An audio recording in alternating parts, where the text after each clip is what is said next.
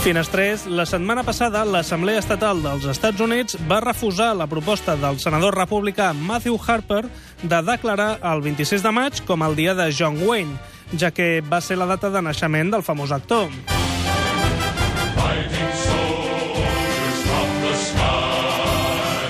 El motiu perquè fos refusada aquesta proposta són les repetides declaracions de caràcter racista que va deixar anar John Wayne de tant en tant i el seu posicionament a favor de la Càmera de Representants contra activitats antiamericanes, fet que, per cert, es veu molt ben explicat a Trambo recentment estrenada.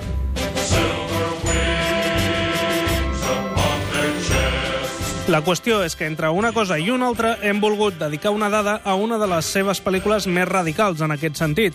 Es tracta de Boines Verdes, la seva particular visió sobre la guerra de Vietnam que va dirigir i protagonitzar el 1968 i que contenia diàlegs tan contundents com aquest. Pero hay aún gran cantidad de gente que opina que esta es simplemente una guerra entre el pueblo vietnamita. Dejemos que ellos la resuelvan. ¿Que los dejemos solos, señor Beckford? Armamento capturado. De China Roja. Chicom K-50, señor. Comunistas chinos. SKS, carabina de fabricación soviética. Comunistas rusos. No, no, señor Beckford. No hace falta que me caiga una lluvia de plomo o que me agujereen con esas armas para reconocer que en este lío se esconde la pretensión comunista de dominar el mundo. La dada de la finestra.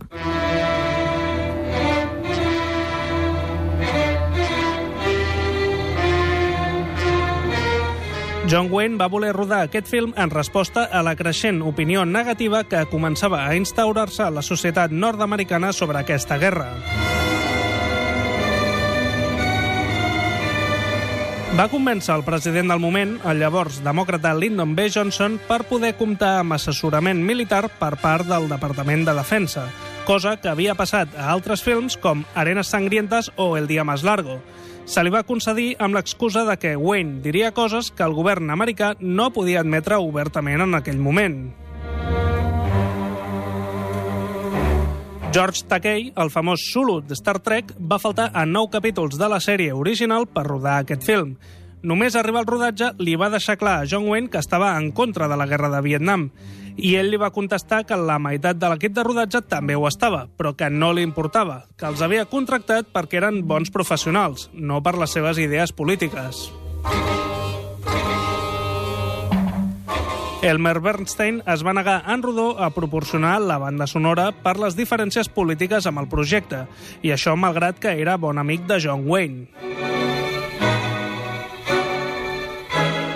Existeix la percepció de que la pel·lícula va ser un fracàs per les males reaccions que va suscitar.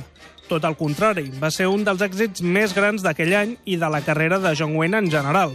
Ja sabeu, la majoria silenciosa, el vot ocult, el PP guanyar les eleccions altra vegada, etc etc.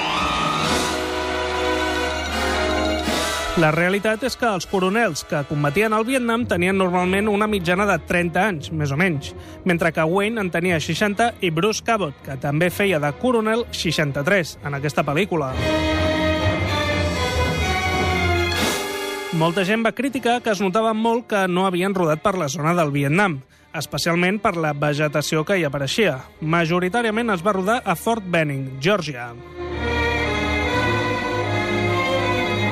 Tot i així, alguns dels decorats de pobles vietnamites estaven tan ben construïts que van decidir utilitzar-los per entrenar a les tropes americanes i que es fessin una idea del que els esperava quan arribessin allà.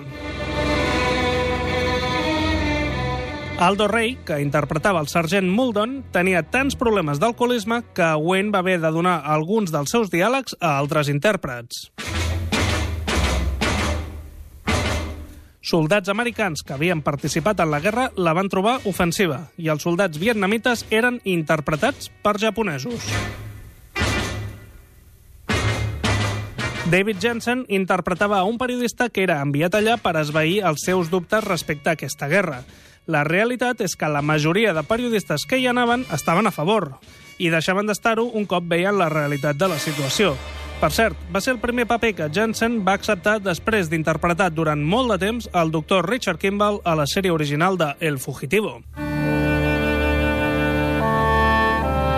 Boines Verdes va ser realment controvertida en el seu moment. A Barcelona mateix hi va haver reaccions contundents, com quan es va apedregar al cinema Urgell per projectar la pel·lícula. No oblidem que Franco encara vivia i que aquestes reaccions antimilitaristes estaven molt castigades. Arriscar-se així per una pel·li americana sobre una guerra que no ens afectava directament diu molt del menyspreu que va generar Boines Verdes.